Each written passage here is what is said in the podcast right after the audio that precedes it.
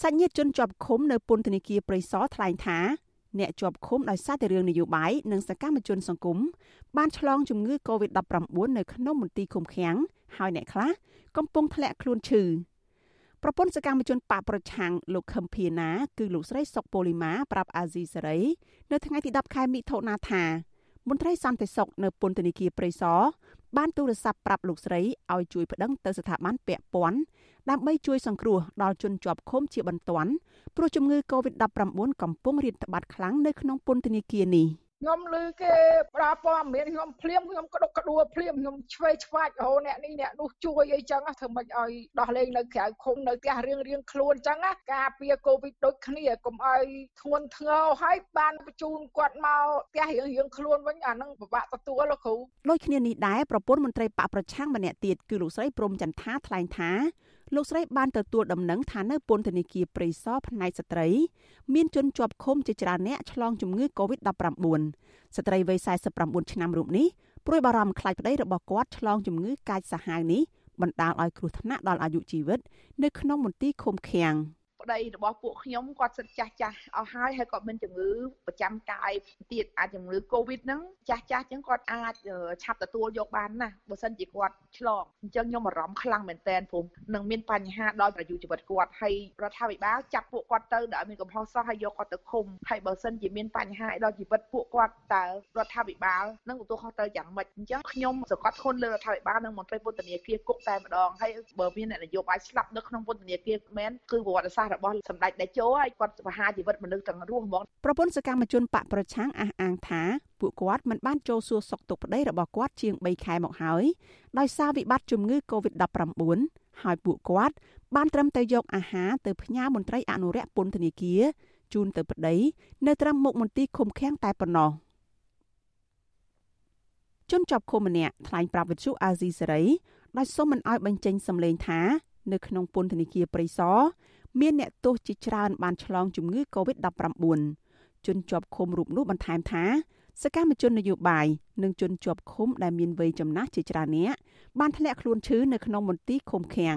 ជាមួយគ្នានេះពួកគាត់សំណូមពរយ៉ាងទទូចដល់រដ្ឋាភិបាលឲ្យជួយអន្តរាគមន៍ទៅតុលាការឲ្យដោះលែងពួកគាត់ឲ្យបាននៅក្រៅឃុំបណ្ដោះអាសន្ន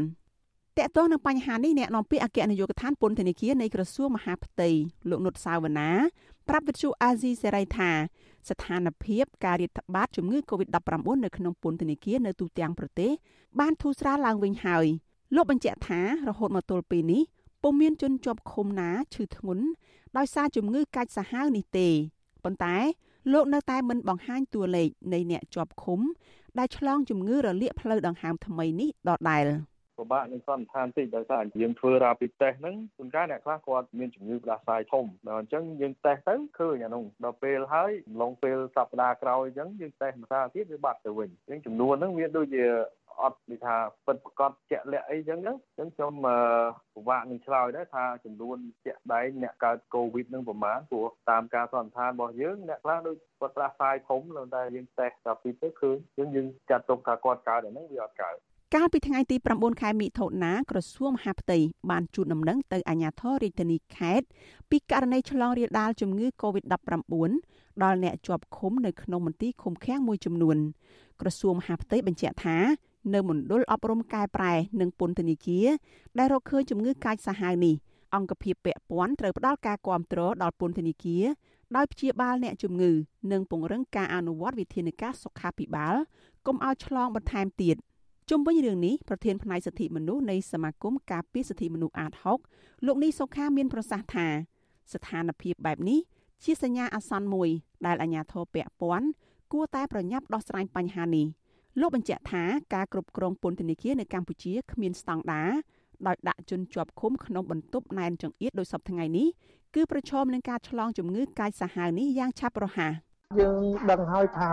ជំងឺ Covid ជាជំងឺឆ្លងបើសិនជាយើងមិនបានរក្សាកម្រិតឲ្យបានត្រឹមត្រូវវានឹងអាចរីករាលដាលកាន់តែធំទី2ជំងឺ Covid នេះក៏ជាជំងឺមួយដែលអាចធ្វើឲ្យមានគ្រោះថ្នាក់ដល់អាយុជីវិតដែរមិនមែនឆ្លងហើយវាដូចជំងឺយើងផ្ដាសាយធម្មតាទេគឺថាជំងឺនេះបើសិនជាយើងឆ្លងហើយយើងមិនព្រមរក្សាឲ្យមនុស្សនឹងនៅក្នុងកម្រិតដាច់គ្នាមានអនាម័យនិងការបំពន់សុខភាពតាមគោលការណ៍របស់វិទ្យាសាស្ត្រនេះវាអាចមានគ្រោះថ្នាក់ដល់អាយុជីវិតដែរ លោកនេះសុខាយល់ថាដើម្បីដោះស្រាយបញ្ហានេះតុលាការគួរតែដោះលែងអ្នកជាប់ឃុំដែលមានទោសស្រាលស្រាលឲ្យនៅក្រៅឃុំបណ្ដោះអាសន្នហើយត្រូវរៀបពន្ធនាគារឲ្យមានស្តង់ដារឡើងវិញរបាយការណ៍របស់អគ្គនាយកដ្ឋានពន្ធនាគារឲ្យដឹងថាបច្ចុប្បន្ននៅកម្ពុជា មានជនជាប់ឃុំជិត40000នាក់នៅទូទាំងប្រទេសហើយគិតត្រឹមថ្ងៃទី10ខែមិថុនាមានពន្ធនាគារចំនួន7ហើយ